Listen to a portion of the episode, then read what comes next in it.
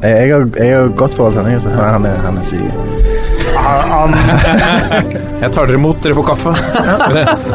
Nå mista jeg lyden i høretelefonene. Der kom de tilbake. Ja. Ja, det er hyggelig å være her. Jeg er glad i, i podkast som fenomen. Jeg må ut. hjemme mot Lyngen Karnes gikk de på et litt leit 0-19-tap uh, her. Hvilken divisjon snakker vi? Er det tredje eller fjerde? Fjerde, fjerdedivisjon. Kjetil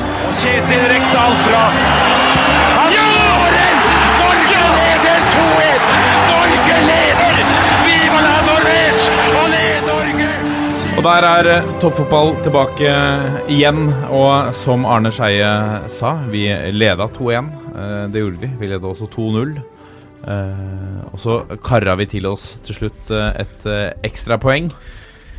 Jeg merker personlig at det sitter litt langt inne å, å, å prate om dette, men det må vi. Vi er Vi elsker jo landslaget vårt, og det, og det var faktisk mye bra. Det skal vi komme tilbake til. Vi var litt skuffa etter at vi trodde vi hadde en seier hjemme mot eh, Sverige, men heldigvis så er Eliteserien rett rundt hjørnet for å trøste oss som er glad i norsk fotball, og dette er én av tre eh, episoder denne uka. Vi slår på stortromma for å lade opp til eh, årets høydepunkt. Eh, et av årets høydepunkt må vi kunne si eliteseriestarten. Lasse Wangstein, er du eh, taggad, for å være helt forferdelig å bruke et svensk uttrykk i denne sammenheng? Ja, det er vel lov å si at jeg er. Jeg, Nå gleder jeg meg veldig til eh, eliteseriestart. Det her har vi venta på vel og lenge nå. Og det er jo et høydepunkt.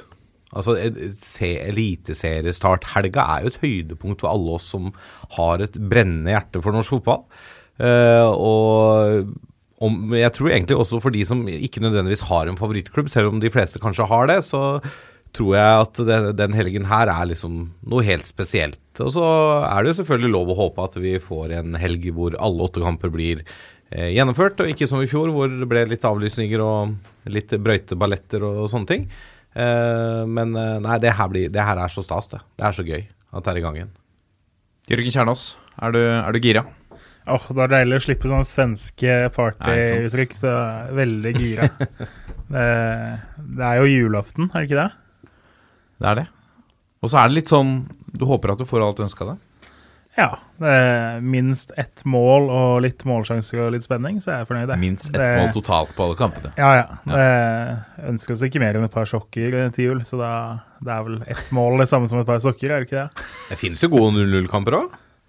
Absolutt. absolutt. Kanskje Eh, ikke åtte på samme runde. Nei, kanskje ikke. Men dette er jo spennende. Vi, vi skal jo uh, uh, i en senere episode, som uh, vi slipper på fredag, tippe eliteserietabellen, blant annet. Og mange har eh, tippet utfallet av årets eliteserie.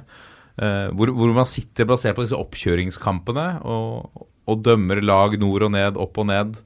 Eh, det, det det er jo spennende å se å få de første liksom, indikasjonene om man har rett i sine antakelser. Ja, Klarer Ranheim å følge, følge det opp? Er uh, Mjøndalen gode nok til, eh, på dette nivået? Men så er det sånn at én serierunde er litt lite grunnlag på å si om, eh, om Ranheim kommer til å klare seg et år til. Ja. Uh, men um, når du begynner å snakke sånn Altså litt ute i april, eh, begynnelsen av mai, da begynner det å sette seg litt. Da kan du begynne å se konturene av hvilke lag skal være med og kjempe i toppen, hvilke lag kommer til å få det litt tøft, hvilke lag havner i eh, mellomsjiktet igjen.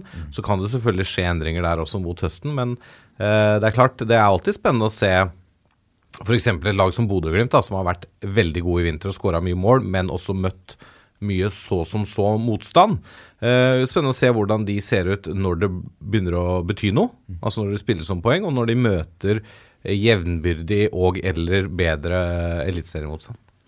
Og Jørgen Strand Larsen, som har skåra elleve mål for Sarpsborg på 13 oppkjøringskamper eller noe sånt nå. Ja, Altså, treningskamper er jo Det er alltid mer trening enn kamp i det. Eh, noen tendenser kan man jo se, men så skal man ikke lete veldig godt før du finner eh, noen lag som har tapt alt på vinteren, og så tar de medalje i serien, eller motsatt. Eh, men klart, Jørgen Strand Larsen har jo benytta vinteren til å spille seg inn på laget. Han er bankers på et Sarpsborg-lag som eh, kanskje hadde tenkt at de skulle ha en spiss til, kanskje fortsatt tenker det for all del, men Han er førstevalg der nå, etter å ha vært et andre- eller tredjevalg for to måneder siden. Eh, og I tillegg så spiller han med en vanvittig selvtillit. Det ser man på en del av de tinga han gjør. Han er en ung kar som har fått bekreftelse på at han er god i løpet av vinteren, og gjør ting og tør ting og får til ting uh, som han kanskje ellers ikke hadde våga å prøve på eller fått til. da. Sånn som han hadde én kamp her hvor han bare han bare sendte ballen opp i krysset fra kanten av 16-meteren, og det så ut som det var det letteste i hele verden. Uh, han- ledig der, vet du. han hadde ikke turt det hvis han hadde gått på en måte 500 minutter uten scoring i vinter før det. Da hadde han heller safa og prøvd å spille til en bedre plassert spiller, gitt fra seg ansvaret og sagt at her, gjør noe, nå har du fått ballen. Ja. Så litt har det å si. Men eh, i Bodø så møtes jo Bodø-Glimt, som er det desidert beste laget i vinter, sånn eh, resultatmessig. De møter da Rosenborg, som ligger på sisteplass på eh, vintertabellen. Det er vel ingen som vil våge å hevde at Glimt er favoritt i den kampen, av de grunner. Nei, og jeg tror heller ikke at vi avslører for mye hvis vi sier at jeg tror ingen av oss har satt Rosenborg i nedrykksstriden på årets tabelltips, til tross for at de er nederst på vintertabellen, da. Det er jo da på sin plass kanskje å ta opp uh, Erik Panserhagens gamle mantra. De som er best på La Manga, de er dømt til å rykke ned. Oh, ja. Ja, han mente det at hvis du var veldig god på vinteren i, i, i treningskampene, altså sånn eksepsjonelt god der, da, det, da lukta det nedrykkskamp hele sesongen. For det betyr, de kampene betyr ingenting. Det handler bare om å komme i gang, få kroppen i gang, Ja. få litt relasjoner, øve på ting. Ta seg en pils eller to med gode venner. Det, Ja, altså der, er ikke, der er ikke Erik Hagen sterkest, altså. Altså, det er jo ikke noe hemmelighet at uh, La Manga eller Marbella, som det har blitt uh, nå stort sett, da, uh, at for mange av både spillere og trenere og andre som er der nede i forbindelse med norsk fotball, så er det jo kasino og det som serveres i Å baren, hysj. som er eh, Ikke avslør uh, hemmeligheten. beklager, beklager, norsk fotball. Ja. går og bærer på. Som ingen i pressen velger å bruke en uh... Det har vel vært nok mediesaker om ting som har gått gærent på siste kveld på La Manga, til at man har skjønt at eh, ja, man trener i ti dager, og så får man lov til å blåse ut siste kvelden. Og det er jo ikke alltid det går like bra, enten om man eh, heter Bjørn Helge Riise eller om man eh, heter Stein Collymore. Eh, ja.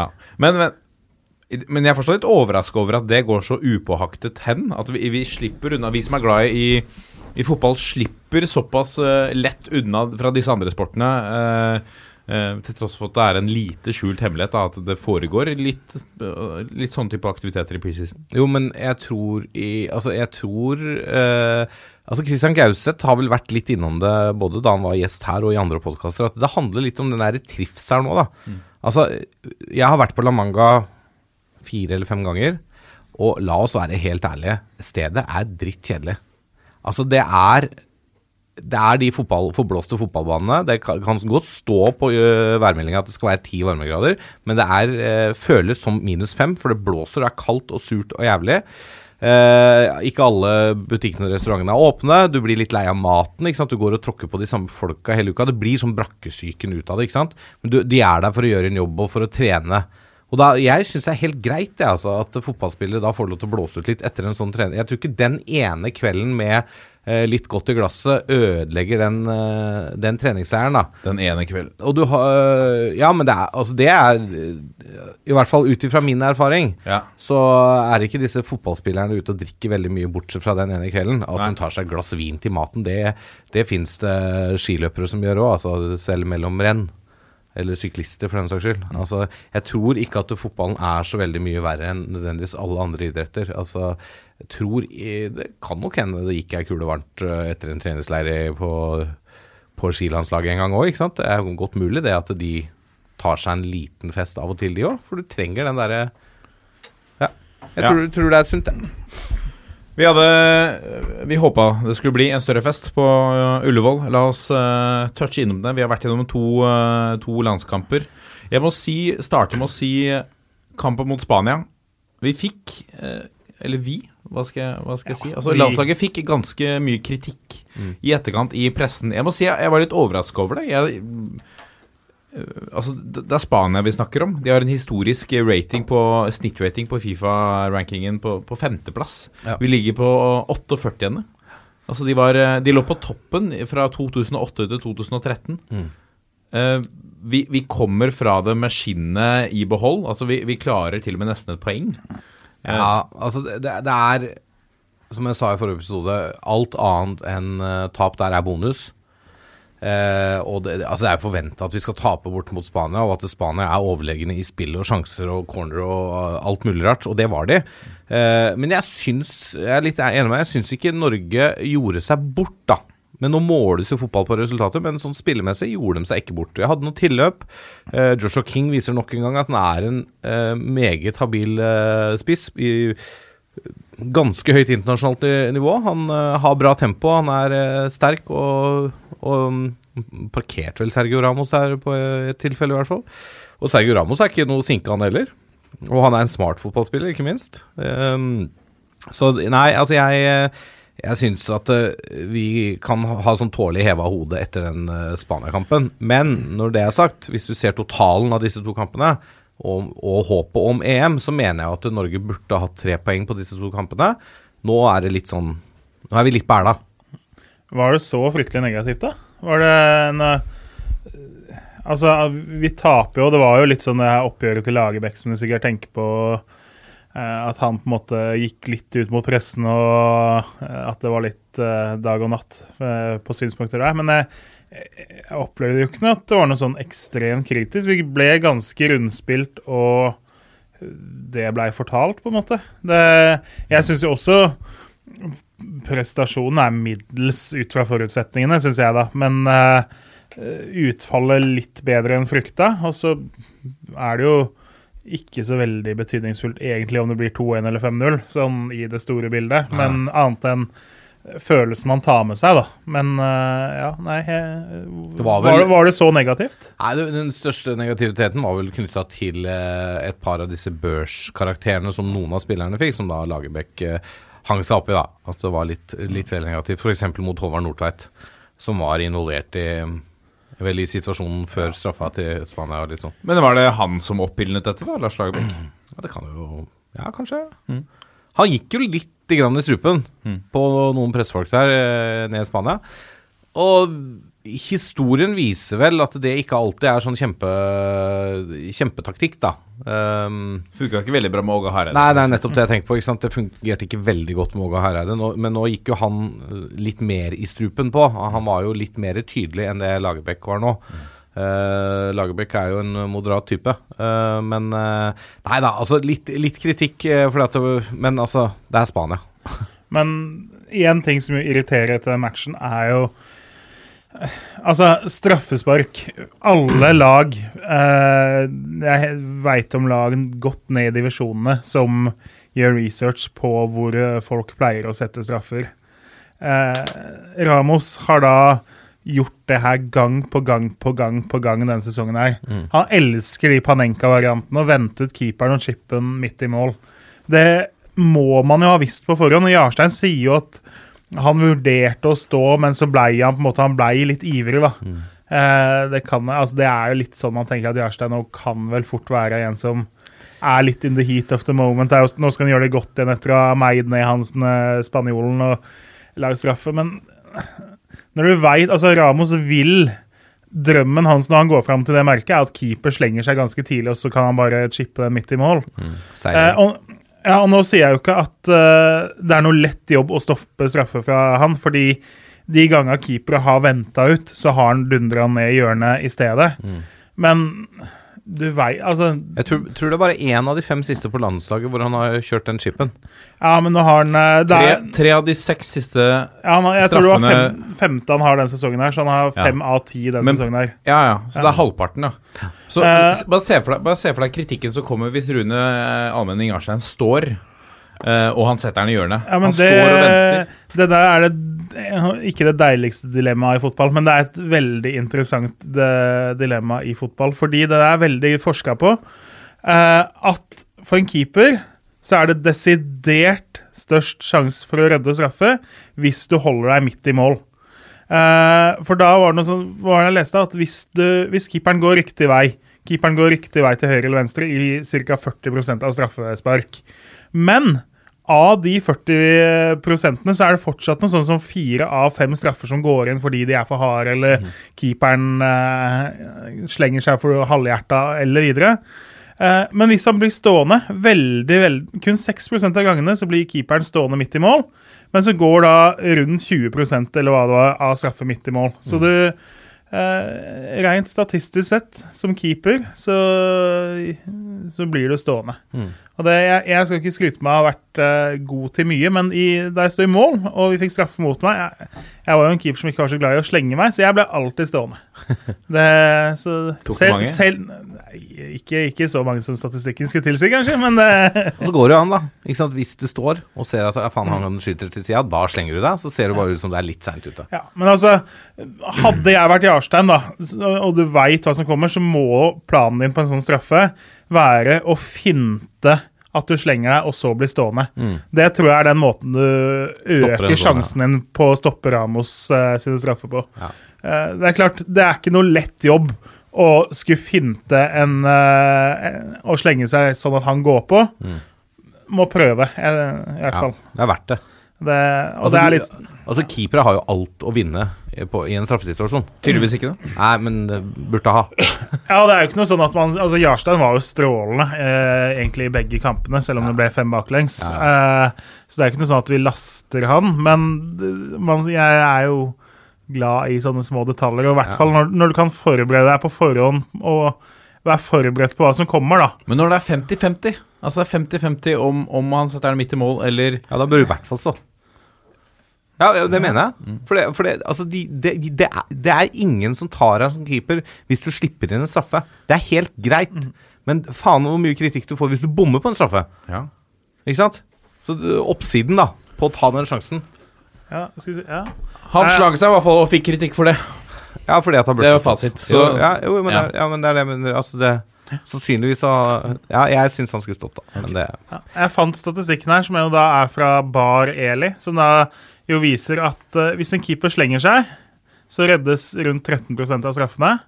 Uh, en keeper som blir stående i midten av målet, redder rundt en tredjedel, altså 33 av straffene. Så uh, han er jo da relativt anerkjent på akkurat feltet straffespark. Ja. Har forska på det her. Bli stående er vår eh, eh, Oppfordring. oppfordring til keepere på laget vi liker. Sleng deg i vei på laget vi ikke liker. Hører du André Hansen? Det er bare å slenge seg. Til noe mer eh, positivt, da, tross eh, altså litt resultater imot uh, Martin Ødegaard fra start i begge kamper. Tok eh, vel vare på Er han i ferd med å bli den spilleren som vi håper han, han skal bli på landslaget? Ja, altså det kommer jo veldig an på hvilke forventninger man faktisk hadde til gutten. Men nå er han eh, relativt nylig fylt 20 år, og han er en profil og en av våre beste spillere. Eh, jeg syns jo det mest markante man kan se ved han, er jo fysikken hans. Nå eh, Mot Sverige så tok han et par hvor han var kvikk. Han tok noen på tempo. Blitt mye kjappere over 10-15 meter enn det han eh, har vært tidligere.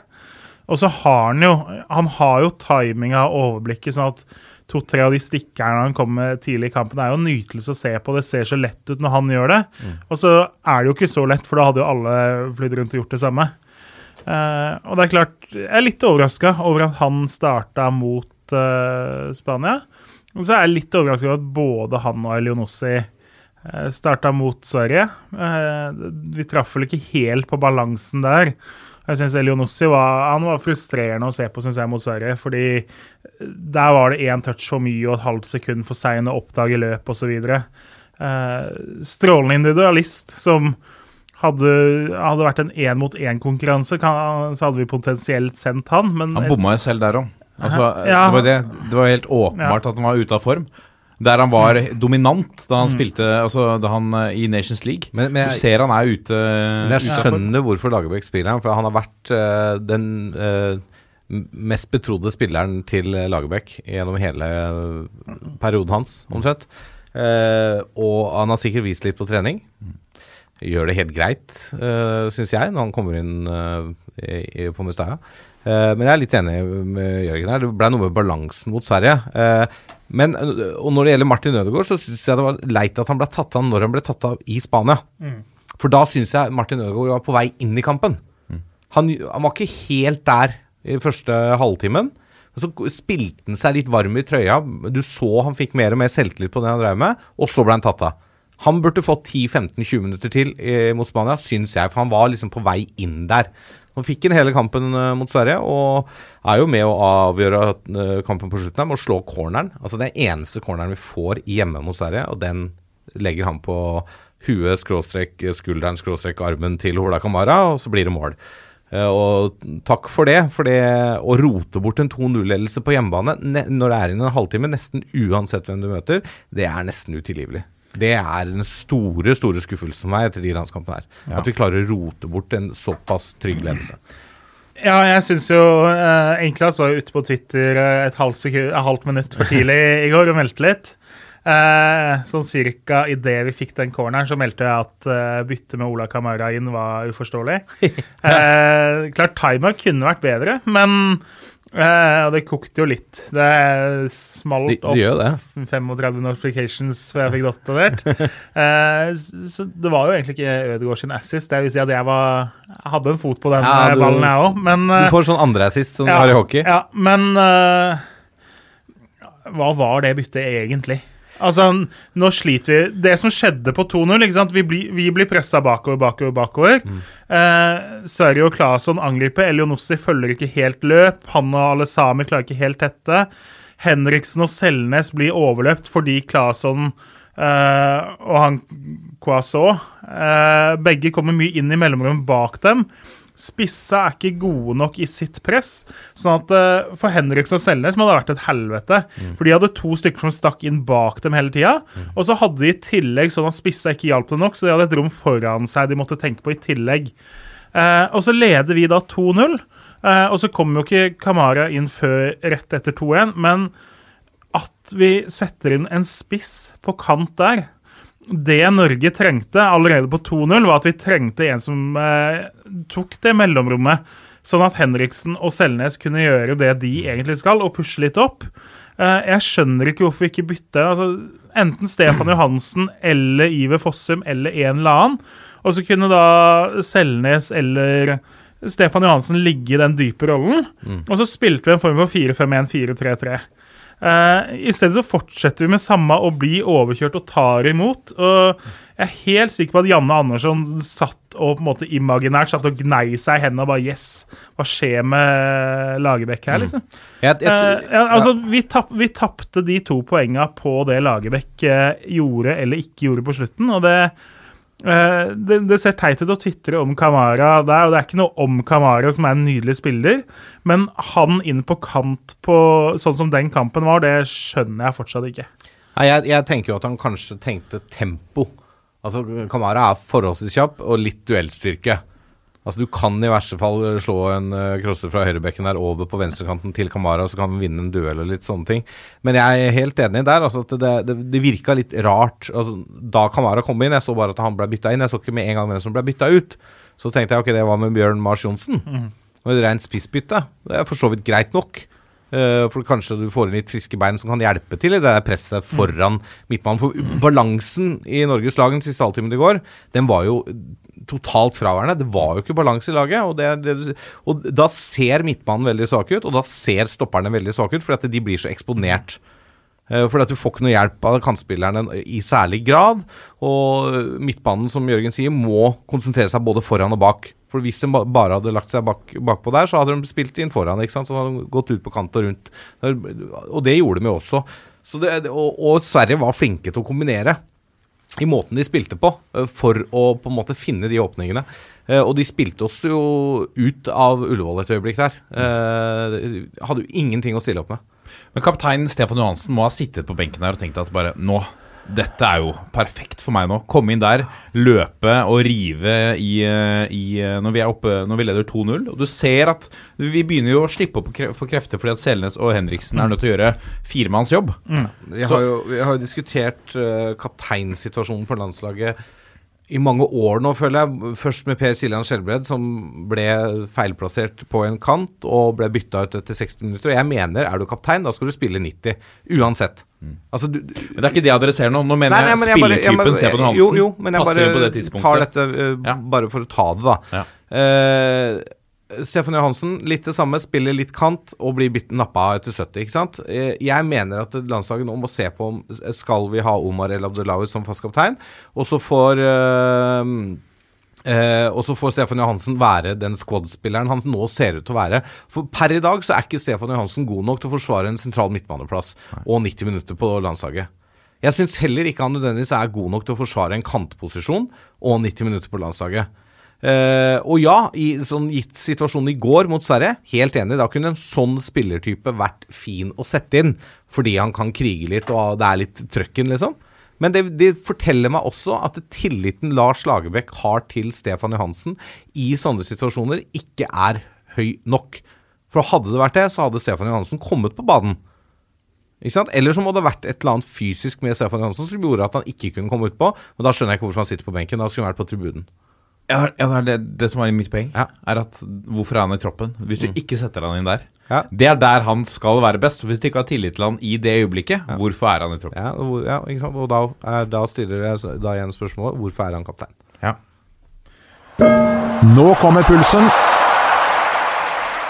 Og Da er vi kommet til pulsen, og vi nærmer oss seriestart. Men eliteserieklubbene driver fortsatt og bygger stall. Jørgen, hvem er det som eh, er, er ute i siste lita nå? Oi, det er ganske mange. Uh, nå er det jo som så at uh, tro det eller ei, ikke tull. Eh, 1. april så er stenger vinduet. Uh, det vil si at uh, når vi spiller inn nå, så er det litt over fem døgn igjen å handle. Uh, det er ganske mange som uh, ikke sover veldig mye og ser familien altfor masse de neste dagene. Bodø-Glimt må ha inn et eller annet offensivt. Fordi eh, nå som Boniface er skada utfor sesongen, så har de kun Geir André Herrem fram til Endre Kupen en eller annen gang er tilbake. Boniface? Godt mulig. Jo, det er, Py- siste episode av Pyro Pivo. Petter. Bø Trosterud hadde fått vite dette av Asbjørn eh, Myhre, som hadde spurt vedkommende på vei til eh, Marbella. Ja. Eh, bon Bonifice. Så han kan Riktig. ikke spille i Danmark, som de sa i Pyro Pivo. Eh, de må ha inn et eller annet der. Og så har de jo fortsatt ikke fullt ut erstatta på midtbanen, selv om Patrick Berg kommer til å bli strålende der. Og så har, altså, de kommer til å hente noen i flertall.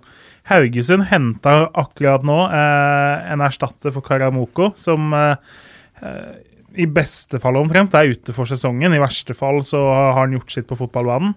Han fikk jo uh, herpa jo kneet så ordentlig at eh, man får nesten vondt bare av å lese om det. Eh, de eh, skal likevel ha inn flere spillere. De har Offensivt så har de prøvd å få inn Kent Håvard eh, Eriksen fra Sandnes Ulf. Ser ikke ut som de får til det nå, eh, men er på jakt etter noen som kan spille spiss, kant, offensivt. Altså en eller annen minst der, da. Kanskje sentral midtbane òg. Eh, Kristiansund henta jo både Amang og Lindqvist på lån. Fortsatt på leting etter erstatter for Stian Åsmundsen, som gikk til Mjøndalen, regner jeg med. Fordi Hvis ikke så er den midtbanen litt tynnere enn de nok er bekvemme med. Det jeg er mest spent på med Thomas Amang, er om han får lov til å spille mot Molde. Hvilke Ja, avtaler er gjort det der? vil han jo helt sikkert. eh, Vi, vi får Men er det lov? Er det lov å nekte han? Nei. Nei, Det var jo det som var sagaen i fjor, med Tobias Svendsen. De tør vel ikke og- å- Og Waji på lån. Kanskje han har- får en liten Ja. strekk da, rett før. Ja, det er det. Stabæk eh, ser jo fortsatt så tynne ut og er jo så glad i å hente i siste eliten at eh, Er ikke det Inga Det- Olsen? jo, altså, om, Harry altså Med Ohi ut, selv om han er syke har kommet inn, da, de skal nok ha inn en angriper til, og så tror jeg de skal ha inn en på midtbanen, og kanskje en til. Eh, og så har du Godset, som fortsatt ikke har funnet stopper, da, sammen med Glesnes, som vi har snakka om tidligere. Tromsø snakker om at de skal ha spillere i flertall. De har nå endelig skjønt at uh, den stallen er eh, litt for tynn.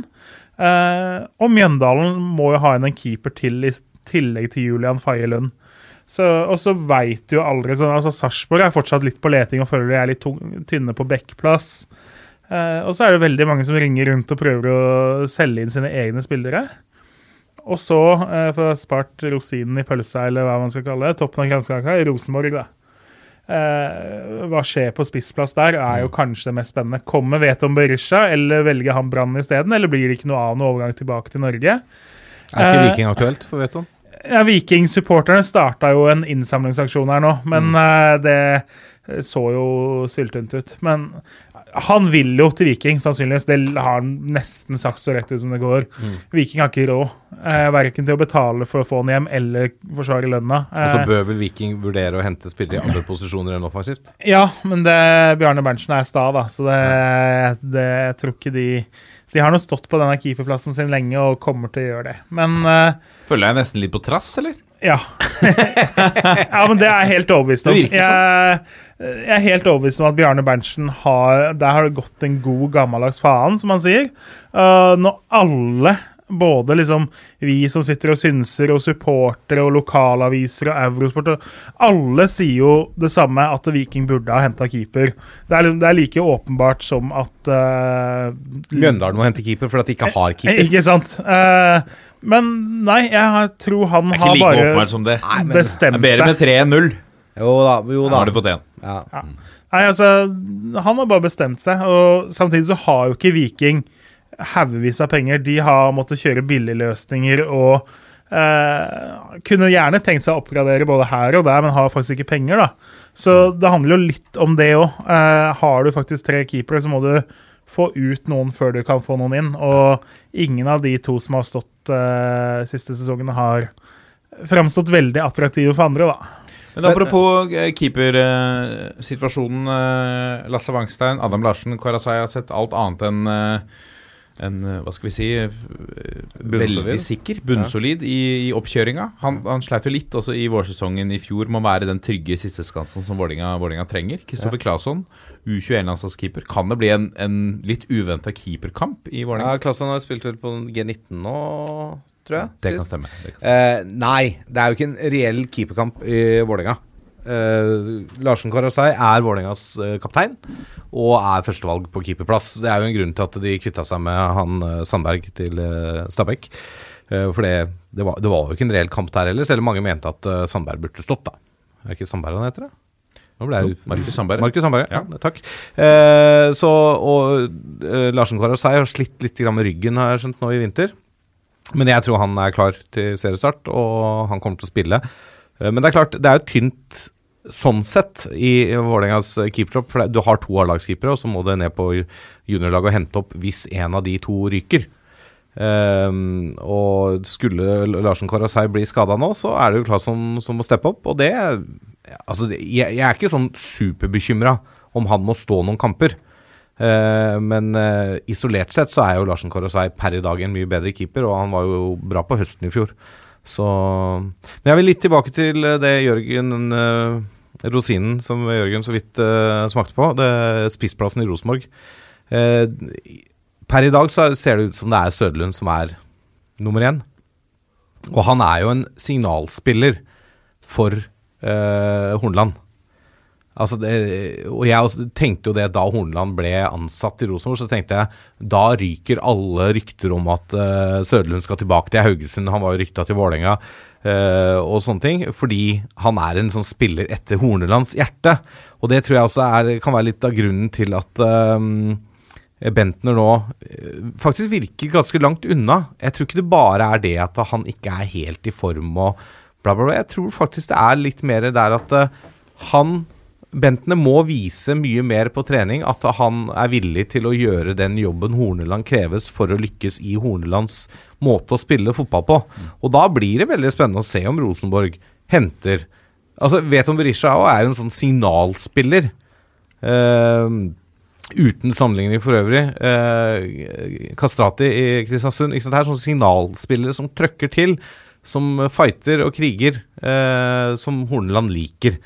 Og det, ja, det er jo veldig spennende å se hva som da skjer med Benten hvis han nå ikke får noe særlig spilletid. da. Hvor lenge går det før det begynner å bli surving der oppe? Hvor lenge kan Bentner gå uten å få spille fast og starte hver kamp, som han har vært vant til? Har Bentner vært spilleklar, så har han spilt uansett, ikke sant? Det har jo ikke vært noen reell spisskamp i Rosenborg eh, før nå, egentlig.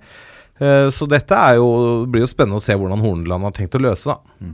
Jeg tror det er veldig mange journalister som har forhåpninger om hvordan den situasjonen der skal bli. For, det, for Rosenborgs del så er det veldig enkelt. Bentner eh, koster mer enn han smaker akkurat nå. For to år siden så var det kanskje motsatt.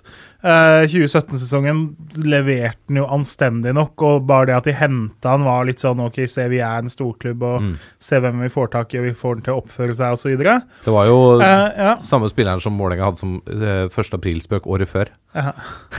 Eh, og så kom jo da fjoråret, som da sportslig var forglemmelig. Eh, og så dette tullet som han da Som jo sørga for at han da eh, ble sittende i fengsel og har mista store deler av oppkjøringa. Og så sier de da i februar så er han i toppform og aldri vært så godt trent og sånn. Og så kommer siste serie, nei, treningskamp nå, og da er han ikke i god nok fysisk form til å få lov til å være med til Sverige for å møte Nordkjøping. Hornland eh, korrigerte til ikke være i fotballform. Ja, men da lurer jeg likevel på, liksom, hvis han var i kjempeform eh, 50 Fysisk form, ja, men det er jo ja, men hvis han ikke er i fotballform, da, hvorfor er han ikke med i en tropp og spiller en treningskamp og får 20 minutter mot Nordkjøping? Da må du trene på Hvorfor er fotball. han ikke, ja, hvorfor er han ikke Og så har Rosenborg 2 har spilt treningskamp her nå. De møtte Byåsen i helga.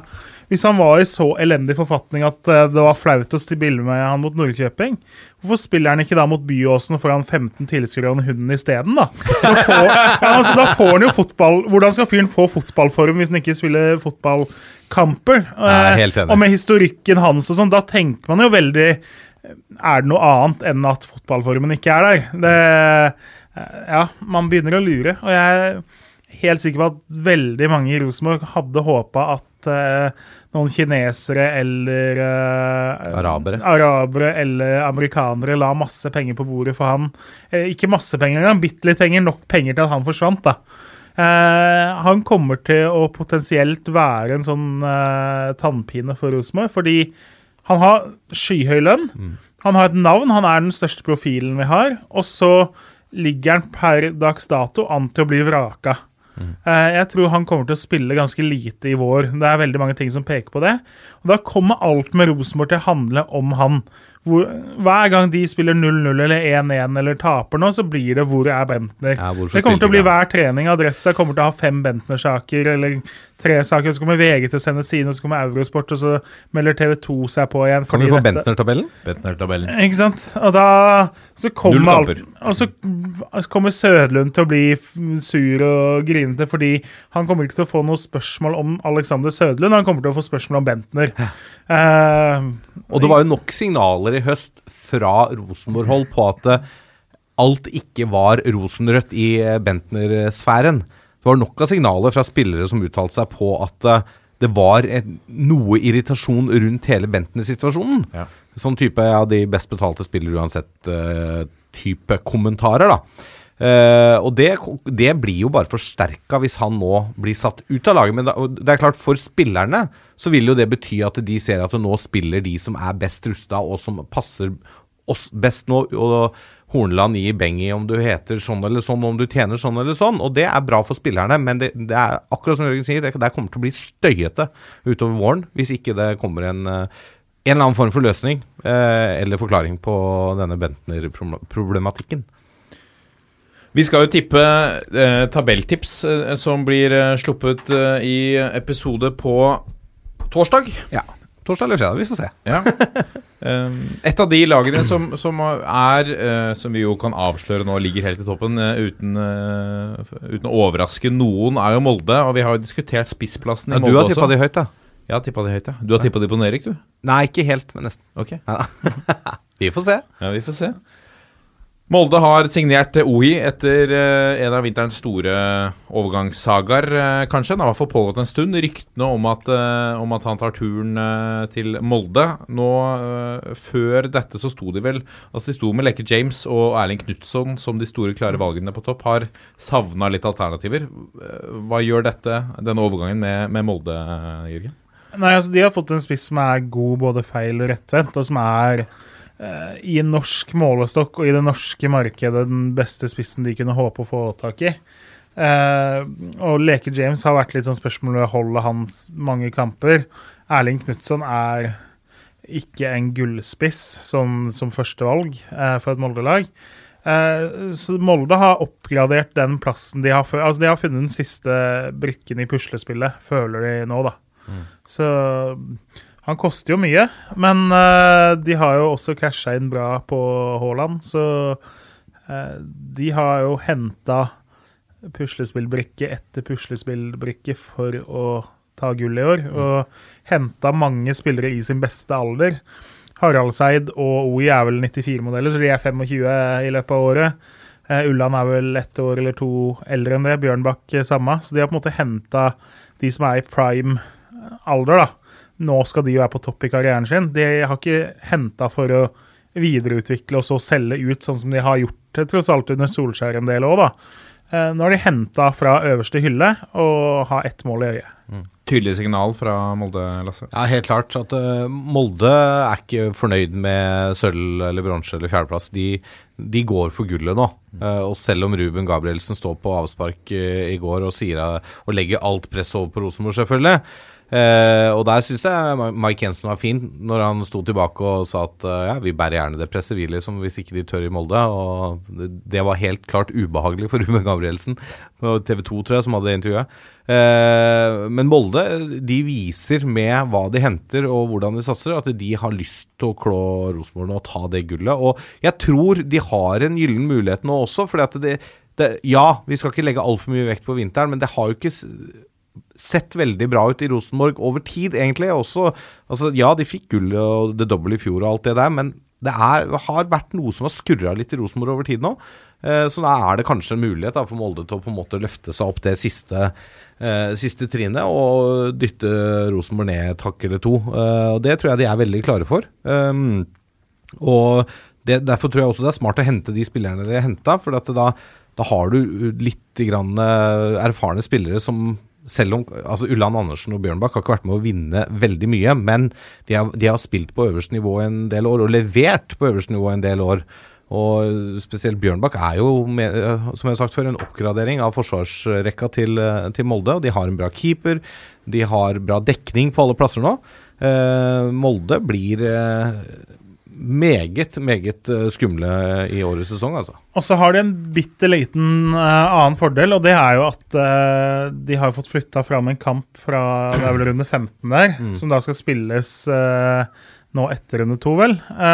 som vil si at de har gode muligheter til da å ligge øverst på tabellen ganske tidlig, fordi de er ett av fire lag som har én kamp mer enn de andre tidlig. da. Ja. Og det har jo litt sånn psykologisk å gjøre, det òg. At når de har spilt åtte kamper fra Rosenborg og spilt sju, så får de en god start, så kan de være fem poeng foran. ikke sant? Selv om det reelt sett kan være to poeng, egentlig. da. Jo, jo men da må jo Rosenborg jage. Ikke sant? Så akkurat det der kan være en sånn en bitte, bitte liten ting da, som kan hjelpe dem litt. De har hentet eh, Martin Bjørnbakk fra Bodø-Glimt. Uh, Bodø-Glimt er på jakt etter en erstatter. Det, rykter, uh, det ryktes om Vegard Bergan. Hvordan ligger det an? Han er signert. Han er signert. Han er signert. Det er bekreftet. bekreftet. Ja, det, det, er jo ikke verdens mest kreative signering. Jeg hadde ikke, Med all respekt for han, så hadde jeg ikke hoppa i taket hvis jeg var Bodø-Glimt-supporter av det. uh, han, er, altså, han, er, en god duellspiller, men han er, kommer inn som et tredjevalg. Uh, Mo og Lo, Lode kommer til å være de to som starter de fleste kampene der, og som har klart seg ganske bra i uh, vinter. Men det sier litt om situasjonen Glimt er i. da. Mister sitt suverene førstevalg i forsvar, henter da inn en til benken ja. isteden. Eh, må fylle på underfra isteden.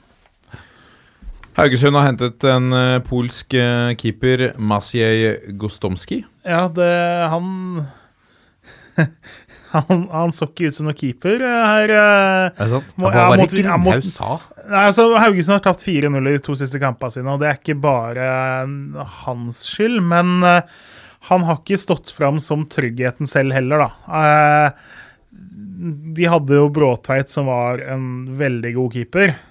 Eh, ut fra det han polakkene har vist nå i de siste kampene, så er i hvert fall eh, Dommen skal ikke felles ennå, men det er vanskelig å umiddelbart slå fast at de er styrka.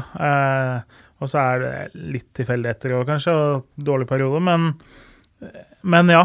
Haugesund har fått på plass mye seint, og det er jo ikke nødvendigvis noen fordel, eh, det heller. De har ikke imponert i preseason heller, må vi kunne si. Nei, altså Nå kommer jo da en keeper inn i siste liten, høyrebekken kommer inn i siste liten, og to midtstoppere som skal kjempe om én eller to plasser i forsvar, kommer inn da i aller siste liten. Så de henter jo da potensielt fire av de fem bakerste rett før seriestart. da. Eh, er ikke akkurat eh, noe seiersoppskrift, eh, det. Jostein Grinhaug innrømmer at hans nye polske keeper ikke er topptrimma enda. Han puster jo ut ræva, så vi må få trimmet han en måneds tid. Så tenker jeg at han også kunne ta hys etter hvert. Men han trenger noen uker med trening.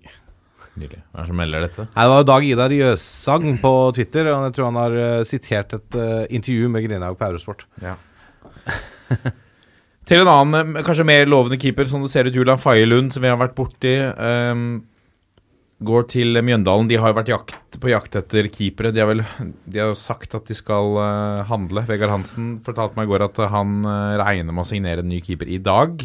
Vi har ikke hørt noe Nei, de hadde jo en keeper fra en eller annen sånn bakgårdsklubb nede i Vestfold som uh, sto for dem. Uh, Miguel. Vieira er en av kandidatene. La oss håpe han ikke uh, Han var, li- han var litt passiv mot Stabæk. Han så ut som han var litt prega av at nå spiller jeg for eliteseriekontrakt. Han hadde noen innlegg og sånn hvor det er veldig naturlig for en keeper å komme ut og plukke, hvor han ble stående på strek og da skapte potensielle farligheter mot seg. da. Så uh, uten at han gjorde noen tabber, så tror jeg ikke han styrka sjansene sine heller når han fikk stå mot eh, Stabæk i helgen. La oss håpe du har rett, eh, Jørgen, at han blir Jørn Horten.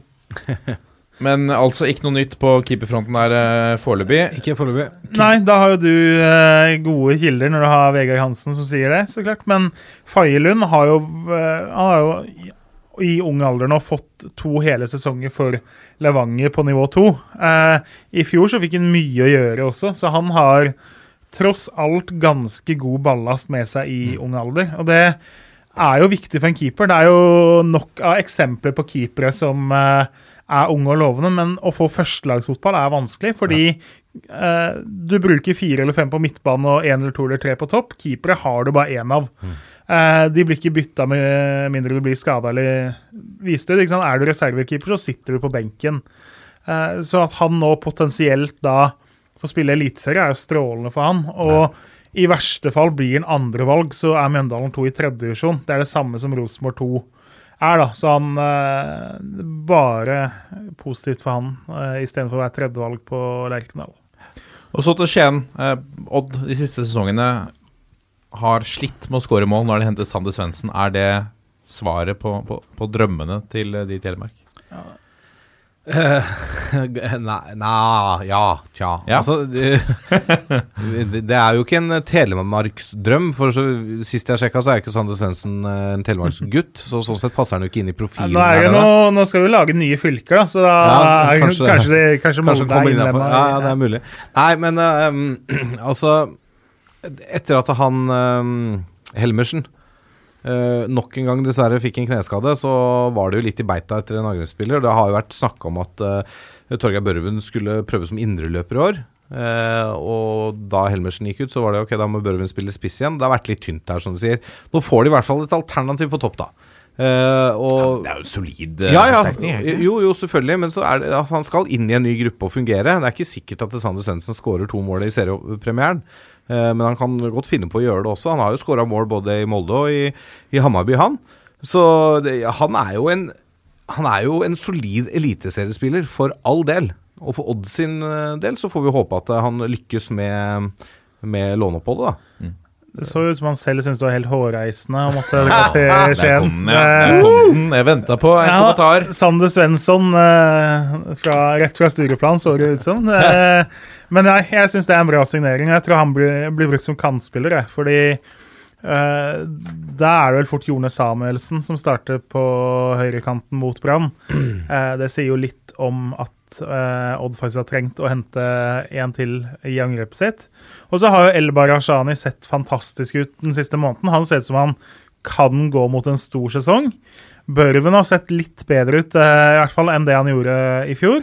Har ikke det, må, han er ikke så hissig på grøten. Nei, men han har vært, eh, det har vært noe mer der nå i vinter, eh, i hvert fall. Så, eh, så de har på en måte mangla én brikke til. Og jeg tror, jeg tror Svendsen mest blir brukt som kant der som den siste brikken. Eventuelt innenfor Børven, da, eh, som spiss. Men en bedre signering enn jeg hadde regna med Odd skulle hente. De har vært veldig tydelige på at de skulle ha en angriper, da. Eh, trodde ikke de skulle hente en såpass god spiller. Så jeg hadde vært fornøyd hvis jeg var Odd-supporter med Mhm. det låneoppholdet, da. Kristiansund har uh, Aliu Koli ute, suspendert i første serierunde. Nå har de henta Kristoffer Lindqvist. Uh, den, uh, altså Han er ikke noen unggutt lenger, men uh, lokal spiller fra, fra Godset, som er kommet på lån. Går han rett inn på laget i Kristiansund? Ja, høyst sannsynlig, fordi Bent Sørmo har også slitt litt med skade. Så de har trengt høyrebekk. Eh, I godset så er han tredjevalg som høyrebekk, og kanskje egentlig annetvalg som venstrebekk, men de har også Stian Ringstad som kan gå ned der igjen. Eh, så for godset er det veldig naturlig å låne ut han og bli kvitt litt lønnsutgifter også, da. Når han uansett hadde spilt lite. Så en, en fornuftig overgang for alle parter, egentlig. Han er ikke strålende, men han pressa jo Wilsvik nok til at han fikk et par kamper eh, i fjor, da. Eh, ikke ikke ueffent. Dette er toppfotball. Og så har vi kommet til høydepunktet for mange. Breddenytt ved Jørgen Kjernås, vær så god. jo, takk.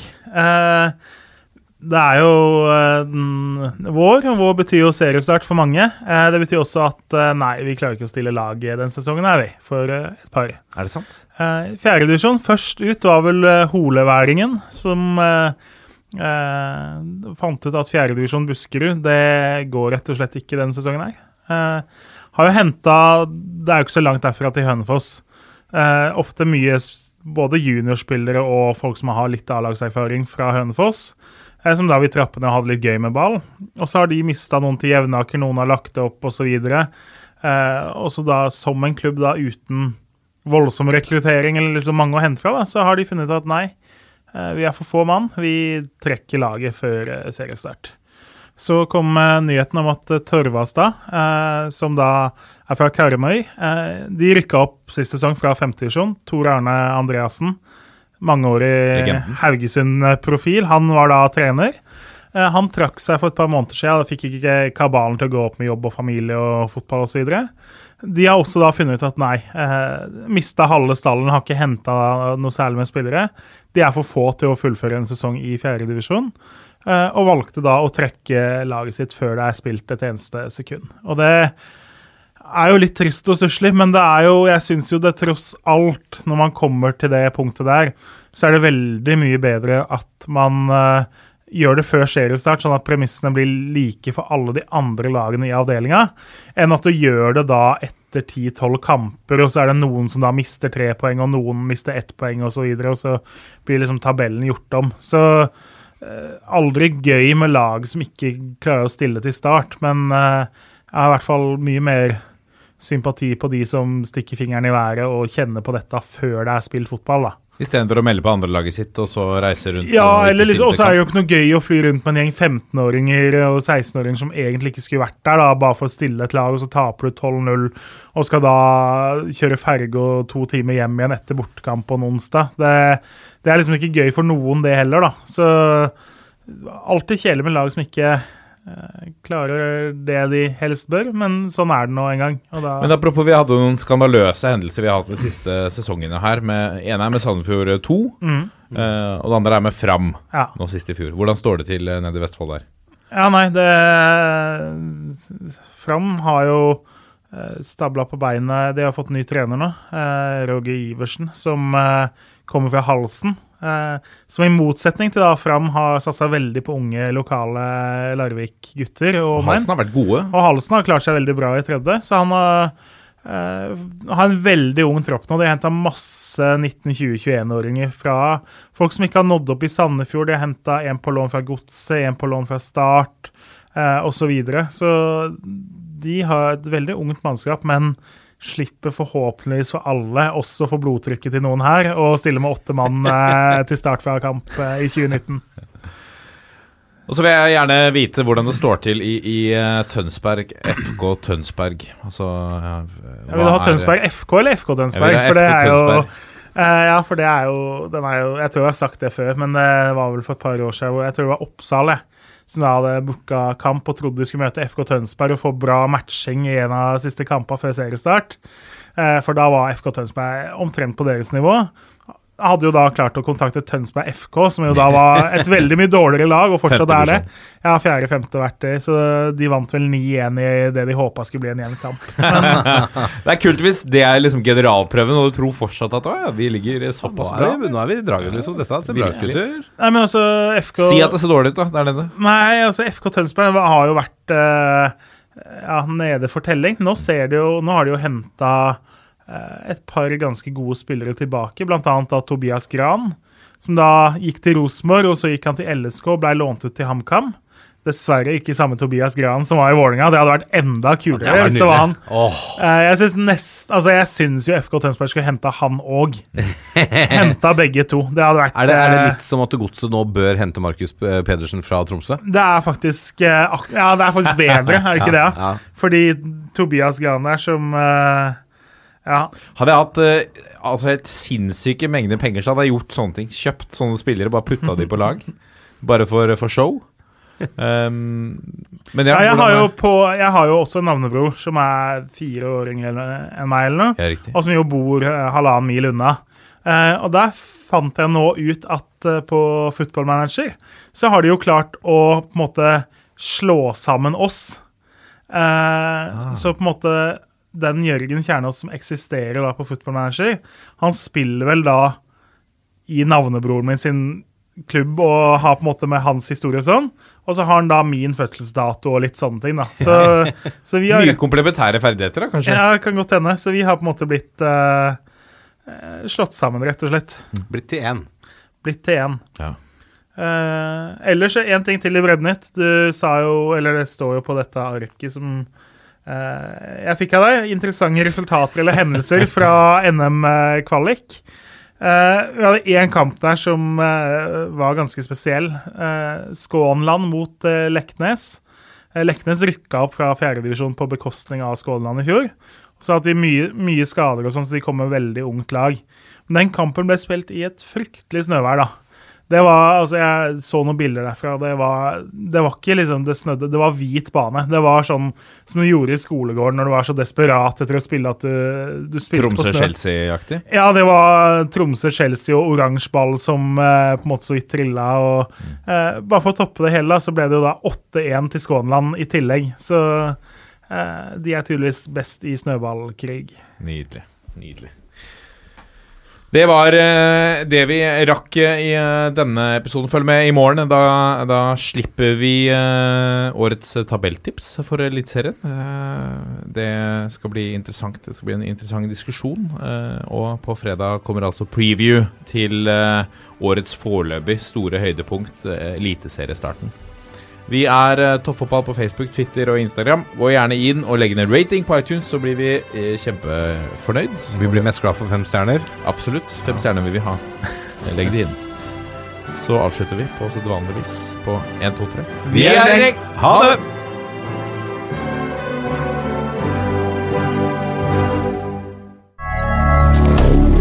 Moderne media.